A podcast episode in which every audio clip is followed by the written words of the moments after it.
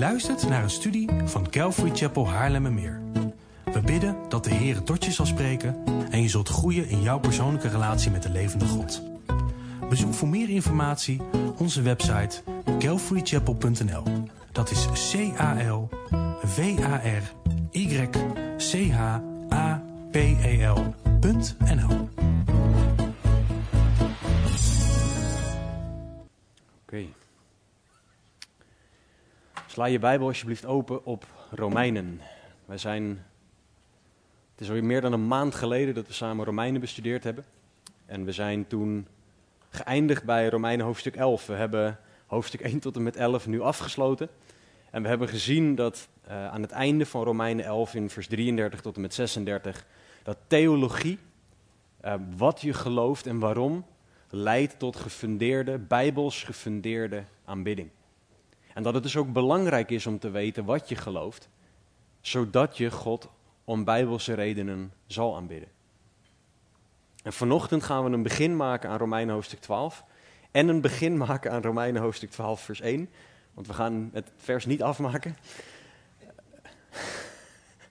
Zit je me nou uit te lachen, maar? Nee, dat dacht ik al. Um, maar we gaan zien in Romeinen 12:1 dat God ons erop wijst dat ontzag voor Hem leidt tot toewijding. Want God wil niet zomaar iets van ons, Hij wil toewijding van ons. En Bijbelcommentator Paul Tripp, die heeft hele goede boeken ook geschreven, zegt: Ieder mensenleven wordt gevormd door ontzag voor iets. Einde citaat. Dus je leven wordt gevormd door waar jij ontzag voor hebt. En dat is ook wat wij gaan zien in Romeinen hoofdstuk 12. En Paulus gaat ons dus oproepen om zo onder de indruk van God te zijn, dat we onszelf volledig overgeven aan Hem. Dus laten we lezen Romeinen 12, vers 1. En daarna gaan we er bijna woord voor woord doorheen. Paulus schrijft: Ik roep u er dan toe op, broeders, door de ontfermingen van God, om uw lichamen aan God te wijden als een levend offer, heilig en voor God welbehagelijk. Dat is uw redelijke godsdienst. Laten we bidden. Heere God, dank u wel voor uw woord en dank u wel dat uw woord zo rijk is. Dank u wel dat uw woord datgene is wat eeuwig leven geeft. Heere, want geloof komt door gehoor en gehoor door het woord van God.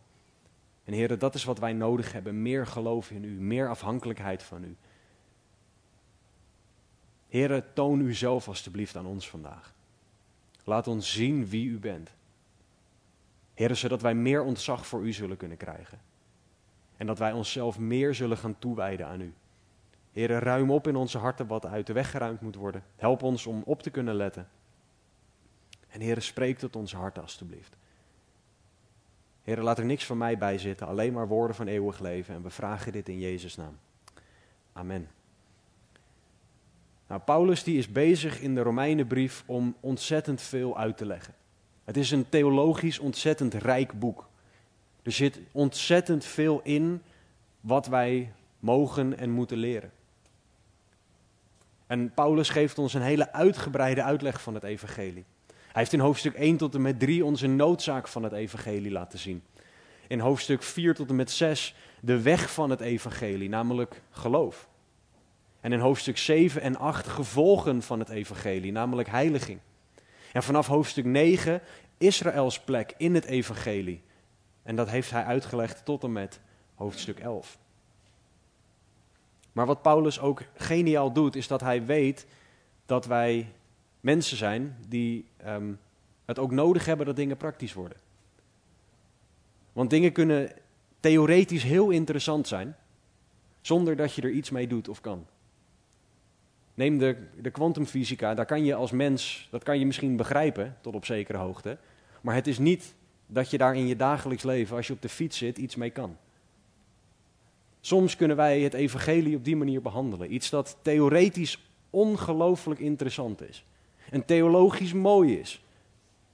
Maar weinig tot geen praktische impact heeft.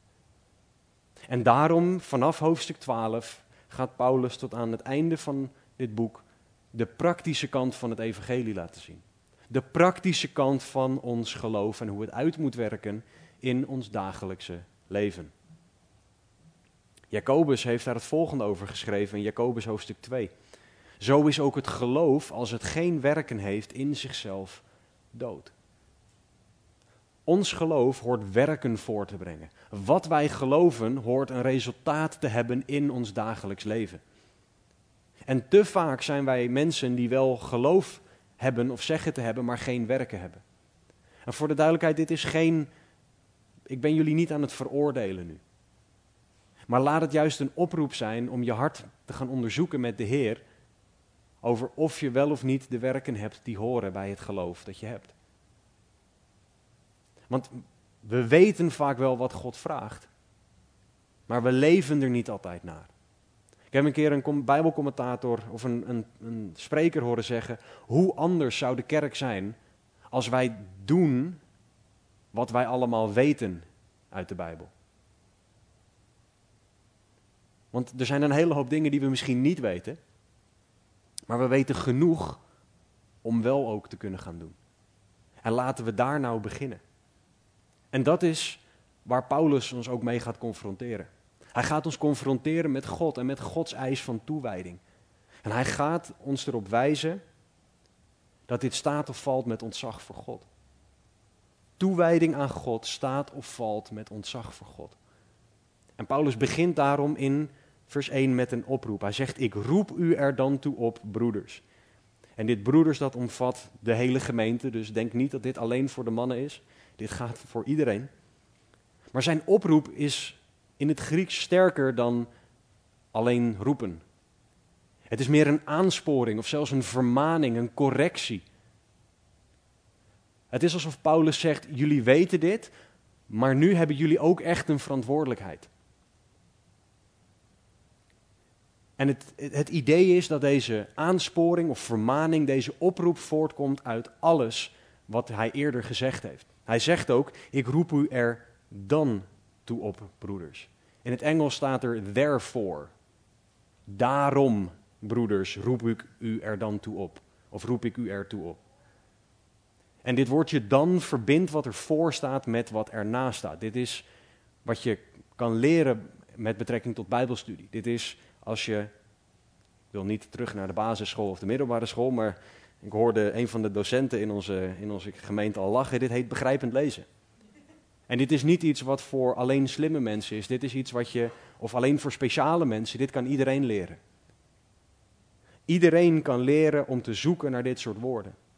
En dat gaat stapje voor stapje. Je hoeft niet gelijk te verwachten dat je op het niveau van een professor aan een universiteit studeert. Maar je kan stapje voor stapje dit soort dingen gaan leren. En dan ga je zien dat Paulus dus zegt: Ik roep u er dan of daarom toe op, op basis van alles wat ik hiervoor gezegd heb, door de ontfermingen van God, om uw lichamen aan God te wijden als een levend offer. Heilig en voor God welbehagelijk, dat is uw redelijke godsdienst. Een Bijbelcommentator Warren Wiersbe heeft gezegd: Dit is de vierde daarom in deze brief.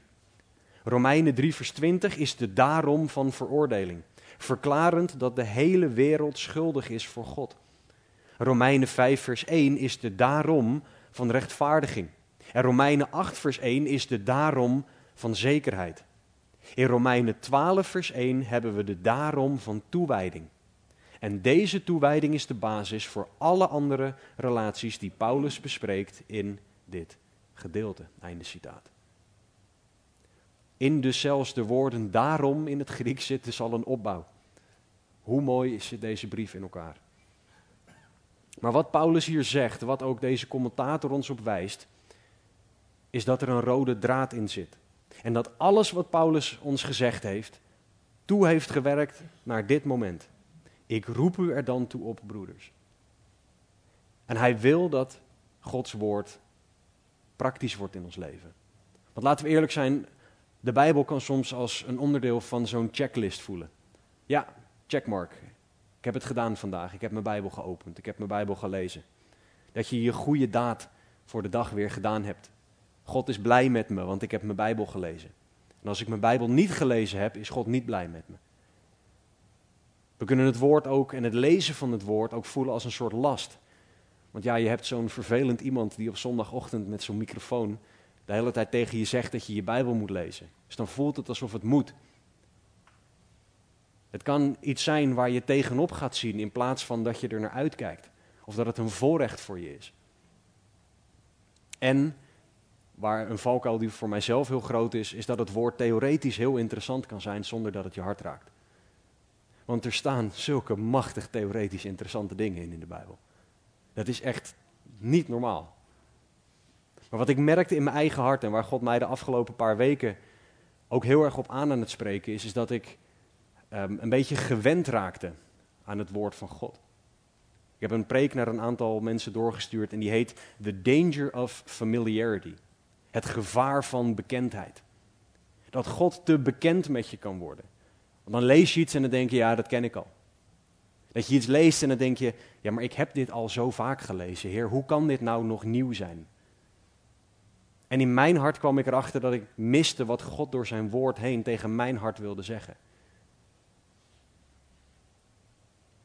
In mijn hart was Gods woord niet langer wat het moest zijn. En in zijn genade en in zijn liefde stond God niet klaar met een hele harde pets om me vol voor me.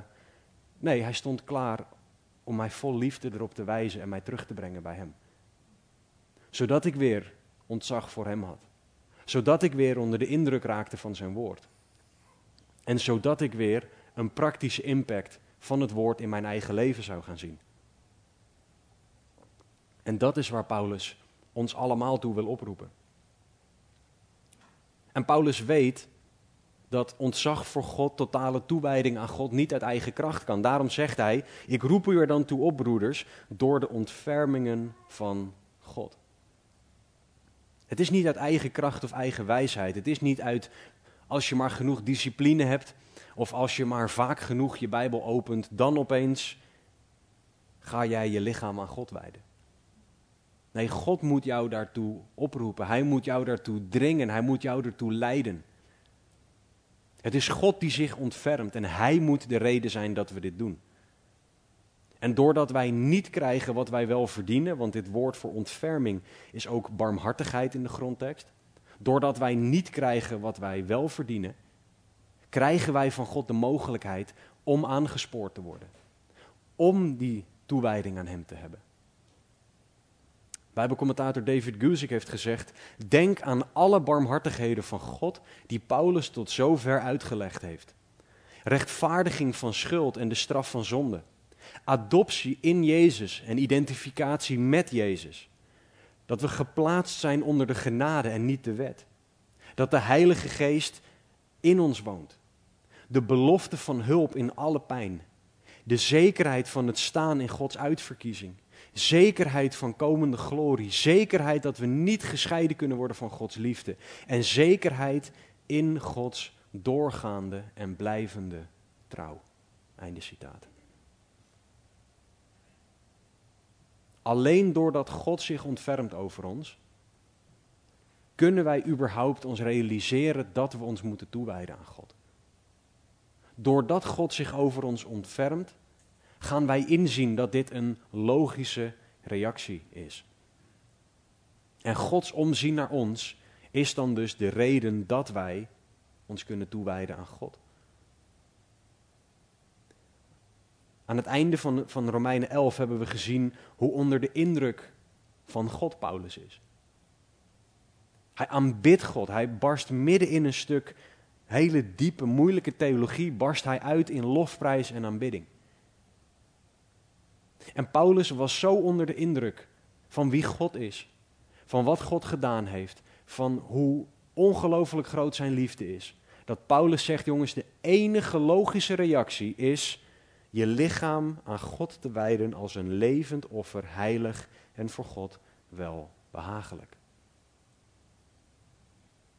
Paulus ziet in dat het logische gevolg van onder de indruk zijn van God, van ontzag voor God, toewijding aan God is.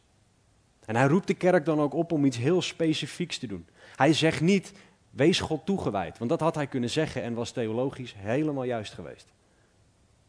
Maar hij roept ons op door iets heel specifieks. Hij zegt, ik roep u er dan toe op, broeders, door de ontfermingen van God, om uw lichamen aan God te wijden als een levend offer.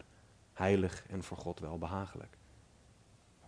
En volgens Paulus, die geleid werd door de Heilige Geest op dit moment, is dit dus de logische volgende stap. Want denk er even over na. Als jouw lichaam ergens aan toegewijd is, dan ben jij als geheel daaraan toegewijd. Je carrière, je gezin, misschien is het sporten, misschien is het iets anders, misschien is het God. Maar waar jij ook aan toegewijd bent, als je dat met je lichaam doet, dan gaat, als je erover nadenkt, je brein gaat mee. En je hart gaat mee. En alles wie jij bent gaat mee.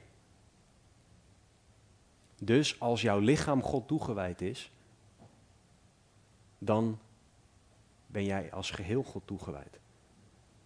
Jezus verwoordde het als volgt in Marcus 12, vers 30. En u zult de Heere uw God liefhebben met heel uw hart, met heel uw ziel, met heel uw verstand en met heel uw kracht. Dit is het eerste gebod.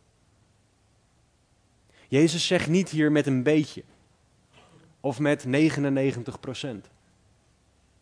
Of zoals de bekende reclame, een beetje van magie en een beetje van jezelf. Dus een beetje toewijding aan God en een beetje aan iets anders.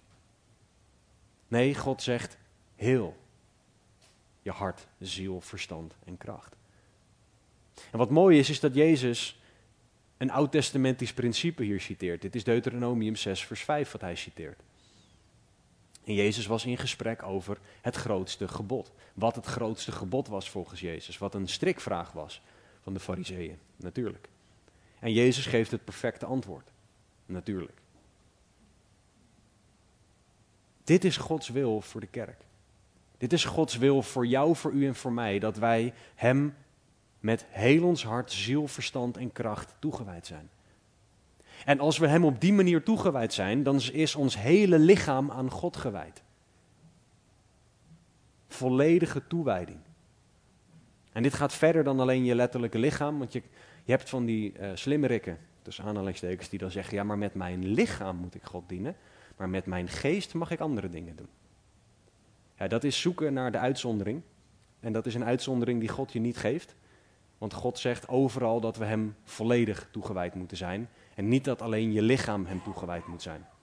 Als je dat wel denkt, dan moet je even de hele bergreden gaan lezen, Matthäus 5 tot en met 7. Daar is Jezus heel duidelijk over dat ook je gedachten en je hart Hem volledig toegewijd moeten zijn. Dat is wat God wil. Alles. En hoe is dit nou verbonden met ontzag? Nou, in Deuteronomium 6 volgt de oproep om God met heel je lichaam toegewijd te zijn, volgt op de uitspraak, op de Shema, hoor o Israël, onze God is één. Dat moet ontzag voor God opwekken, die uitspraak. Het moet ontzag opwekken voor God als je gaat zien wie Hij is. En het logische gevolg van zien wie God is, is dat je Hem toegewijd wordt. Is de conclusie die Paulus trekt, is de conclusie die God meegaf aan Mozes en is de conclusie die wij mogen gaan leren leven. Zien wie God is, door wat we tot nu toe door de Romeinenbrief hebben gezien, hoort ons aan te zetten tot toewijding aan God. Ontzag zet aan tot toewijding. Paulus zegt dat we onze lichamen aan God moeten wijden. Nou, de meeste van ons weten niet per se wat dat woord betekent. Dat is zo'n mooi ouder Nederlands woord. In het Grieks betekent het presenteren of brengen. Dus niet alleen hier is het, kom het maar halen. Nee, het is brengen. En dit is gebaseerd op iets wat Paulus heel goed wist. Op een oud-testamentisch principe van het brengen van een offer. Want je moet je realiseren dat Paulus dit schreef in de tijd dat de tempel er nog stond. Dus dat het voor Paulus heel logisch was om met een schaap of met een koe of met een duif of met welk offer dan ook. Ja, ik wou zeggen onder die arm, maar dat is wat lastig met een schaap of een koe. Maar om dat te brengen naar de tempel zodat je kon offeren. En dat is weer gebaseerd op wat we in een van mijn favoriete Bijbelboeken zien, in Leviticus. Leviticus hoofdstuk 1, vers 1 tot en met 3, is één voorbeeld van de, uh, van de offers. En daar zegt God, de Heere riep Mozes en sprak tot hem vanuit de tent van ontmoeting. Spreek tot de Israëlieten en zeg tegen hen, dus dit is Gods opdracht aan Mozes om door te geven. Wanneer iemand van u de Heere een offergave wil aanbieden, moet u uw offergave aanbieden van het vee, van de runderen en van het kleinvee. Als zijn offergave een brandoffer van runderen is, want God geeft opties, moet hij een mannetje zonder enig gebrek aanbieden. Hij moet dat bij de ingang van de tent van ontmoeting aanbieden om een welgevallen voor zich te vinden voor het aangezicht van de Heer. Dit betekent niet dat er gewoon een gigantische kudde met koeien naast de tabernakel stond, dat je er naartoe kon lopen en kon zeggen, die wil ik. Nee, je moest dat beest meenemen. Je moest het presenteren, je moest het brengen. Je moest er moeite voor doen. En dat is wat God door Paulus heen tegen ons zegt. Je moest mogelijk zelfs een lange weg afleggen. Zeker in de tijd van de tempel kon het zijn dat jij aan de andere kant van Israël woonde. Dat God je opriep om een offer te brengen. En dat je dus dagen moest lopen. Misschien al met je offer, misschien dat je een offer onderweg kocht. Maar je moest tijd doorbrengen om na te denken over je offer. En je moest het offer daadwerkelijk komen brengen. Dat is wat wij met ons lichaam moeten doen. Een bewuste keuze maken om ons lichaam bij God te brengen, om het te presenteren. Om alles van onszelf aan Hem te geven. En wat heel erg belangrijk is, is dat het woord voor wijden of presenteren of brengen in de oneindige vorm staat in het Grieks. Dus dit is een soort van een commitment voor de rest van je leven. Daarom moet je er goed over nadenken. Net zoals dat die Israëlieten nadachten terwijl zij dat offer naar de tabernakel of naar de tempel brachten. Zo moeten wij nadenken over de keuze om onszelf toe te wijden aan God. Het is geen kleine keuze. Het is niet niks om dit te doen. Het is een keuze met lange termijn gevolgen.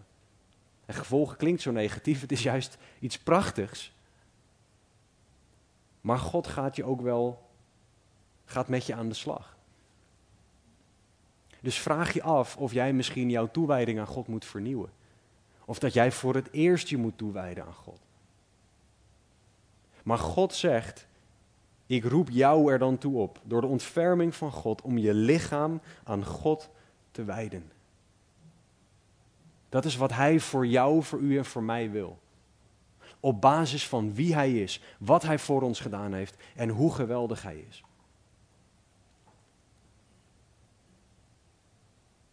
Zoals gezegd leefde Paulus in de tijd dat de tempel er nog stond. En daarom gebruikt hij beeldspraak die voor zijn tijd, zeker voor Joden, heel erg bekend was. Hij zegt namelijk, hij roept ons ertoe op om onze lichamen aan God te wijden als een levend offer. En dit is een prachtig beeld, maar wel eentje ook weer met grote impact. En dit is geen random iets dat Paulus uitgekozen heeft. Dit is niet iets waarbij hij dacht op een middag: ik moet nog een brief schrijven, laat ik maar even snel iets opschrijven. Nee, dit is iets waar de Heilige Geest over nagedacht heeft. En daarom is dit een belangrijk woord. En Paulus gaat uit, zoals in de hele Romeinenbrief, van veel oud-testamentische kennis van zijn lezers of toehoorders. Want Paulus gaat ervan uit dat als hij het over een offer heeft, dat wij weten waar dat over gaat. Dat wij weten wat offeren is. Dat wij weten hoe dat werkt en wat de impact daarvan is. Nou, in Leviticus en in Exodus worden er verschillende offers um, doorgegeven. Ik zal ze opnoemen zonder in alle details, op alle details in te gaan. Dat zou een hele lange studie worden. Maar in Leviticus 1 wordt er een brandoffer um, gepresenteerd, waarbij alles opgebrand werd. En dat ging over complete toewijding aan God. In Leviticus 2 werd er een graanoffer ingesteld, waarbij je jouw dienstbaarheid aan God kon toewijden. Want je moest dat graan bewerken voordat je het kon geven. Leviticus 3 ging over een dankoffer. Als je gewoon de Heer wilde aanbidden, kon je een dankoffer brengen. Leviticus 4 ging over een zondoffer. Leviticus 5 over een schuldoffer. Exodus 29 ging over een plengoffer. Werd er wijn werd uitgegoten om het offer lekkerder te laten ruiken. En wat we bij al deze offers zien, is dat het soms dieren, soms graan en soms wijn waren. Maar alle offers moesten zonder enig gebrek zijn. Het moest fijne meel zijn, het moest goede wijn zijn. Het moest van hoge kwaliteit zijn. En als we er dan bij stilstaan dat dat het beeld is wat Paulus aan ons meegeeft. Dat hij ons dus oproept om onszelf als een offer aan God te geven, waarvan alleen het beste gegeven mocht worden, dan zegt dat iets voor wat God van ons vraagt. God wil namelijk het beste van ons. En wat Paulus hiermee niet zegt is, hij wil iets perfects, dus jij kan geen offer zijn. Wat hij hier zegt is, hij wil het beste van jou. Want wij zijn te vaak geneigd om te zijn als de priesters in het Bijbelboek Malachi. In Malachi, het laatste Bijbelboek van het Oude Testament, voor degenen van jullie die denken dat ik nu Italiaans aan het praten ben, Malachi, nee, het is het laatste Bijbelboek van het Oude Testament. Sorry, ik heb alleen maar hele slechte grappen. Dus dat, um, wat zeg je, sorry? Niet waar? Ah, dat is mooi. Gelukkig, er is iemand die me af en toe grappig vindt. Um, Malachi 1, vers 6 tot en met 8. Een beeld zien we hier van priesters die niet het beste geven. Er staat hier: een zoon eert zijn vader en een slaaf zijn heer. God spreekt hier. Als ik dan een vader ben, vraagt God, waar is de eerbied voor mij? En als ik een heer ben, waar is de vrees voor mij? Zegt de Heere van de legermachten tegen u, priesters die mijn naam verachten. Maar u zegt, waardoor verachten wij uw naam?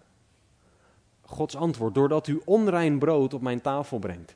En u zegt, waardoor maken wij u onrein? Doordat u zegt, de tafel van de Heere, die is verachtelijk.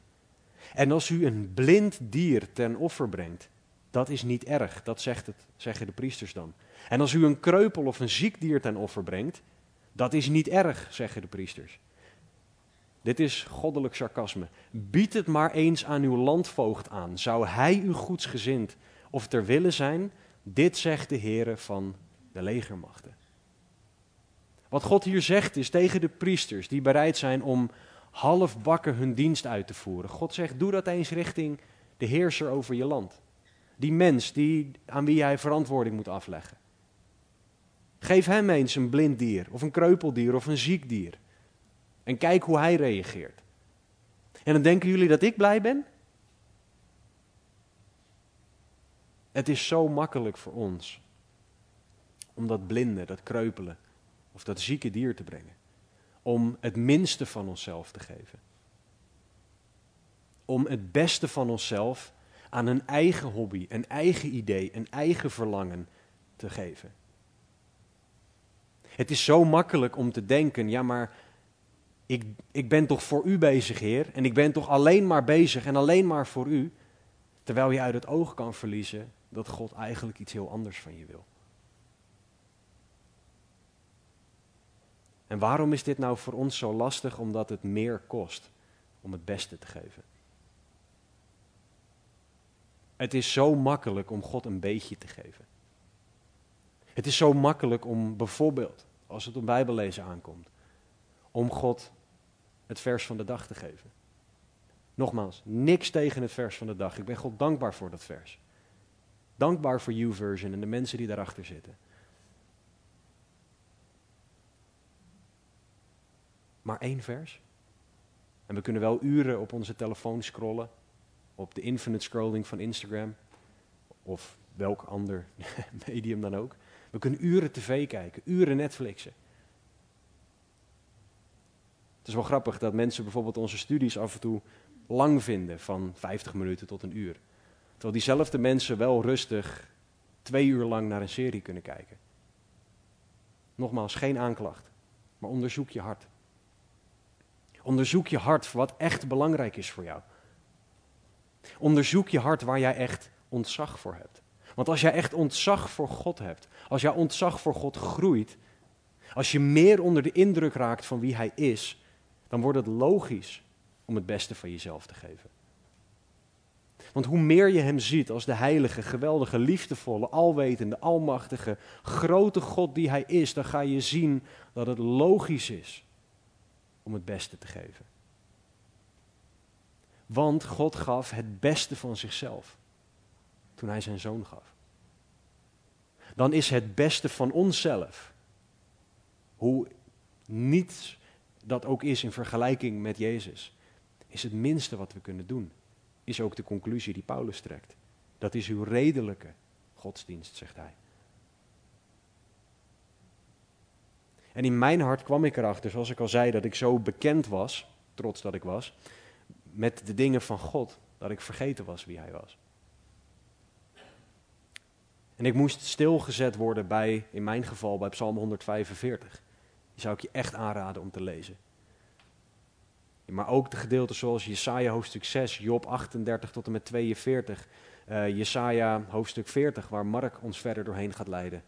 Uh, later deze zomer. Maar ook Exodus 34. Dat zijn allemaal plekken waar je geconfronteerd wordt in mensentermen met wie God is. En je wordt herinnerd aan wie God is. Ik ben al een paar dagen aan het stilstaan bij eigenschappen uit Psalm 145. En daar staat bijvoorbeeld dat God groot is. Alleen dat al, hoe groot is God? Schiet mij maar lek, niet, doe niet alsjeblieft, maar het is, ik weet het niet. Maar daar mag ik wel meer bij stil gaan staan. Want als mijn besef van hoe groot God is groter wordt, dan ga ik zien dat Hij het verdient en dat het logisch is om mijn lichaam aan God te wijden als een levend offer. En dan niet met de afdankertjes, maar met het beste. We moeten opnieuw herinnerd worden aan God, in de plaats van dat we God en zijn eigenschappen voor lief nemen. Want als we Hem voor lief gaan nemen, dan gaan we God niet het beste van onszelf geven. En dan gaan we bijvoorbeeld wel zonde in anderen zien, terwijl we niet langer meer luisteren naar wat God tegen mij in mijn hart aan het zeggen is. Waar God mij mee confronteert. Wat Jezus zei, je ziet wel de splinter bij de ander, maar je ziet niet dat je zo'n balk in je eigen oog hebt zitten. Maar hoe meer ontzag voor God je, je hebt, hoe meer je ook dat soort dingen gaat zien. En hoe meer je toegewijd zal gaan leven aan God. Met het beste van jezelf. Dus hoe minder jij onder de indruk van God bent, hoe minder jij jezelf als een levend offer aan God wijdt, hoe minder jij dus ook het beste van jezelf geeft. Zoals nodig was bij een offer en de beeldspraak die Paulus uit het Oude Testament had. We moeten continu ons hart toetsen om te weten of we God nog zien zoals Hij is. Of we nog onder de indruk van Hem zijn. We moeten continu ons hart toetsen. Om te zien of er iets is dat ons in de weg staat. Van die toewijding en van het ontzag voor God. Als je wil weten of jij je ontzag voor God kwijt bent of kwijt aan het raken bent, kan je stilstaan bij een aantal vragen als: Ben jij nog verwonderd over het evangelie? Hoe bijzonder is het evangelie nog voor jou? Dat Jezus naar de aarde kwam voor jou. Dat Jezus stierf voor jou. Dat Jezus opstond uit de dood voor jou en dat Jezus terugging naar de hemel. Is dat iets wat jij compleet emotieloos met iemand kan delen? Of is dat iets wat nog echt iets doet in jouw hart? Wat jou zelf nog raakt? Als jij het zonder zelf geraakt te worden nog kan delen met iemand, ga dan terug naar God. Om opnieuw onder de indruk te raken van hoe groot dit evangelie is. Predik je het evangelie ook tegen jezelf? Of ben jij het evangelie ontgroeid? Ben jij Gods genade ontgroeid? Op het moment dat je dat gaat denken, en ik dacht, ik heb dat een tijd gedacht, een soort van genade, dat is, dat is voor de minderen. Nee, daaruit bleek dat ik genade des te harder nodig had. Arrogant ventje dat ik was. Ik heb het evangelie nodig, dus ik moet het primair tegen mezelf prediken. Maar als ik daarmee stop, dan zie ik de grootte van het evangelie niet meer. En zal ik mezelf niet langer aan God, maar aan iets of iemand anders gaan wijden. Want zoals we aan het begin van de studie hoorden, ieder mensenleven wordt gevormd door ontzag voor iets. Wat is dat iets? Is dat ontzag voor God of ontzag voor, voor iets of iemand anders? Een andere vraag die je jezelf kan stellen is of het woord van God jou nog raakt. Of, en hier zijn we heel goed in om dit te vergeestelijken. Nee, maar de, ik, ik weet wat God tegen mij wil zeggen, maar hij of zij moet dit echt horen. Oh, wat hier staat is zo goed voor hem of haar. En daar is een plek voor, voor de duidelijkheid. Het kan echt zijn dat God het op je hart legt om iets te delen met iemand. Maar als jouw primaire gedachte bij het lezen van een stuk uit het woord is: oh, maar dat is goed voor hem of haar. Dan ga je voorbij wat God in jou wil doen. En daardoor vergeet je wat God zegt. Daardoor ben je niet meer onder de indruk van wat God zegt, maar ben je alleen bezig met de ander in de plaats van dat je met God bezig bent. Die in jou wil werken en misschien door jou heen naar de ander, maar dat is iets heel anders. Word jij zelf nog geraakt, bemoedigd en gecorrigeerd door het woord? Of ben je gevoelloos wanneer je het woord leest? Uiteindelijk, als jij gevoelloos wordt voor God, voor zijn woord, voor het evangelie, dan ben je niet langer, leef je niet langer als een levend offer. Maar dan offer jij je leven aan iets of iemand anders. Dus ben jij nog onder de indruk van God? Zo makkelijk om uit het oog te verliezen. En wat zo heerlijk is, is dat je terug mag naar God. Ik kwam erachter dat dit bij mij in mijn hart een ding was. Dat wist ik helemaal niet. God liet het me zien. Er waren een aantal broeders en zusters die mij een boekje gaven, wat ik je ook echt heel erg zou aanraden om te lezen, maar dat is misschien voor na de studie. En ik ging dat boek lezen en ik kwam erachter hoe in mijn hart ik dingen gemist had. En het was niet dat God daar stond en zei: pech, jammer, deze had je zelf moeten oplossen. Nee, door de ontfermingen van God mag ik mezelf toewijden. Ik mag terugkomen, wij mogen terugkomen bij God om onszelf als een levend offer aan God te wijden. Dus ben jij nog onder de indruk van God en geef jij God het beste? Of geef jij God een afdankertje? Geef jij God dat wat je kan missen? Of is het daadwerkelijk een offer dat je iets kost?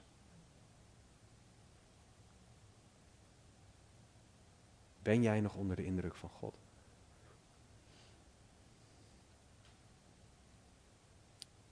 Paulus gebruikt ook hele bijzondere woorden als we kijken naar de term levend offer. Want als je erover nadenkt in Leviticus, het offer raakte het altaar niet totdat het offer dood was. Een levend offer, wat is dat nou weer? Nou, dat is een offer dat bereid is om er zelf te gaan liggen.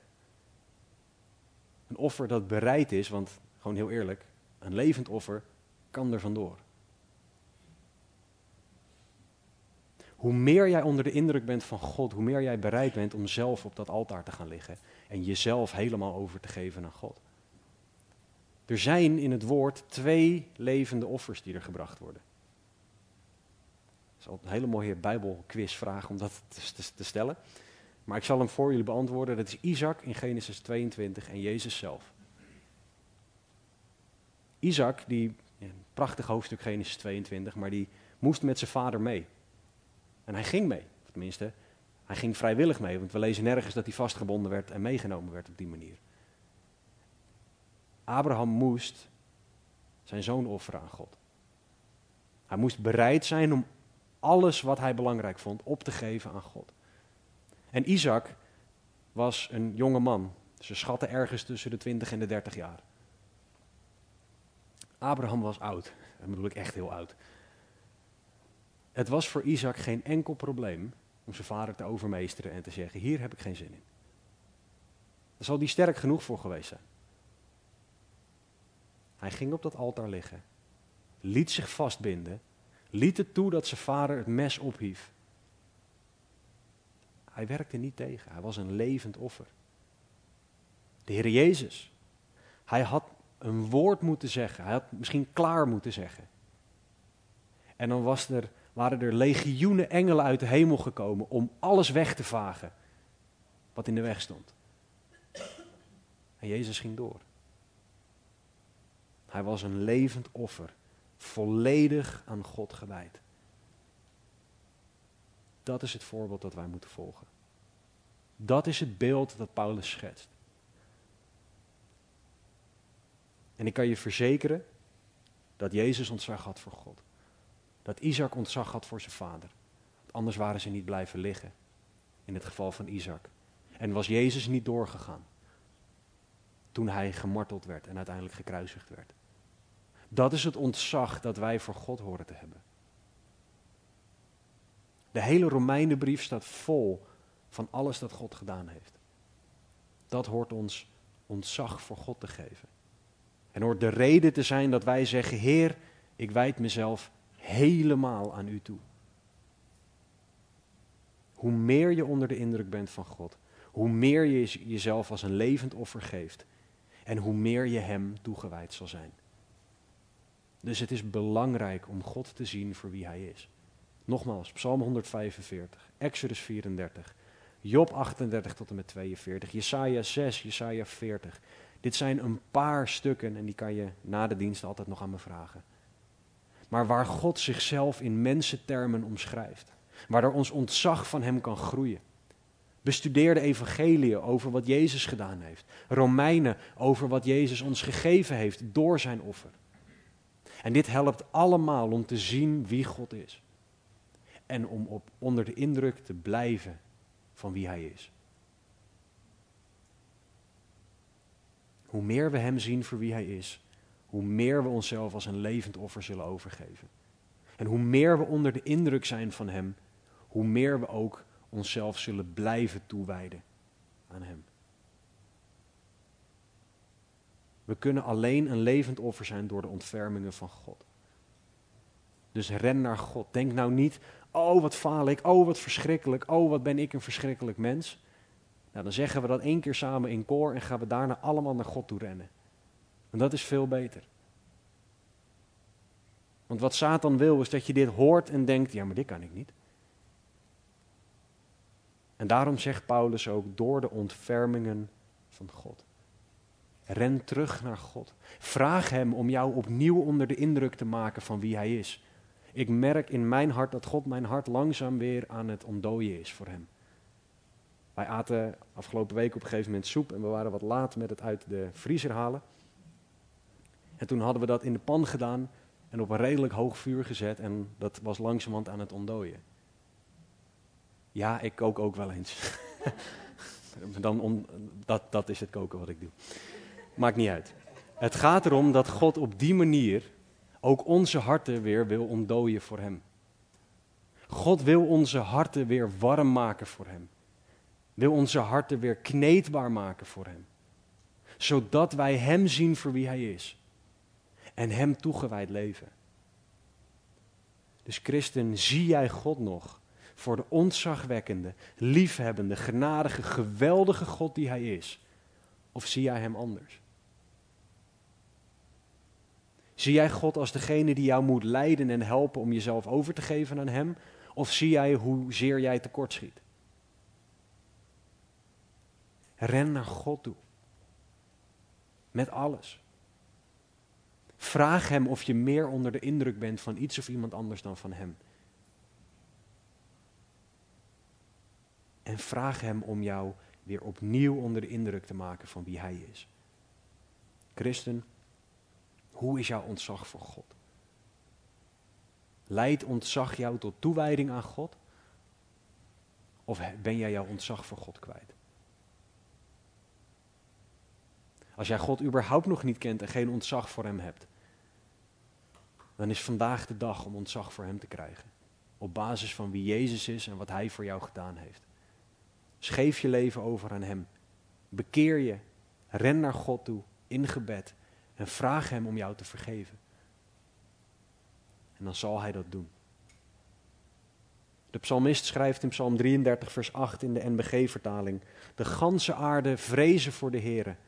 Al de bewoners der wereld moeten voor Hem ontzag hebben. Laten we bidden. Heere God, dank u wel dat u zo ongelooflijk groot bent. Dat u beter en groter bent dan dat wij ooit zullen doorhebben. Maar Heere, laat ons meer zien van wie u bent. Laat ons meer ontzag voor u hebben, meer onder de indruk zijn en raken van wie u bent. Heere, zodat wij onszelf zullen toewijden aan u. Heere, misschien voor het eerst, misschien opnieuw, maar help ons, leid ons om dat te doen, Heere, door uw ontfermingen. Heer, doe een wonder in onze harten. Open onze ogen voor wie u bent. Heer, welke situatie we ook inzitten. Welke vragen en twijfels we ook hebben. Help ons om daar niet mee naar iets of iemand anders te rennen, maar alleen naar u. Heren, maak ons meer onder de indruk van u. Geef ons meer ontzag voor u, zodat wij u toegewijd zullen leven. Heer, vergeef ons waar wij iets of iemand anders toegewijd zijn. Maak ons duidelijk in ons hart wat dat is. Heer, en dat wij u zullen dienen zoals u bent. Dat wij u zullen dienen op een manier die past bij wie u bent. Namelijk 100% overgegeven, 100% toegewijd aan u. Heer, spreek tot onze harten alstublieft. Leid ons, draag ons. Doe uw wil alstublieft in ons. En Heer, we vragen dit uit genade in Jezus' naam. Amen. Muziekteam zal naar voren komen en zal ons leiden nog in een aantal liederen. Er zullen zo een aantal mensen aan de randen van de zaal gaan staan die ook heel graag met je willen bidden. Met en voor je willen bidden. En als er iets is waar je gebed voor wil, want iedereen heeft gebed nodig, loop naar een van deze mensen toe en bid. Vraag aan de Heer of jij jouw ontzag voor Hem kwijt bent. Vraag Hem of jij Hem nog volledig toegewijd bent. En wacht op Zijn antwoord. En als hij je ergens op wijst, bekeer je ervan. En ren terug naar hem.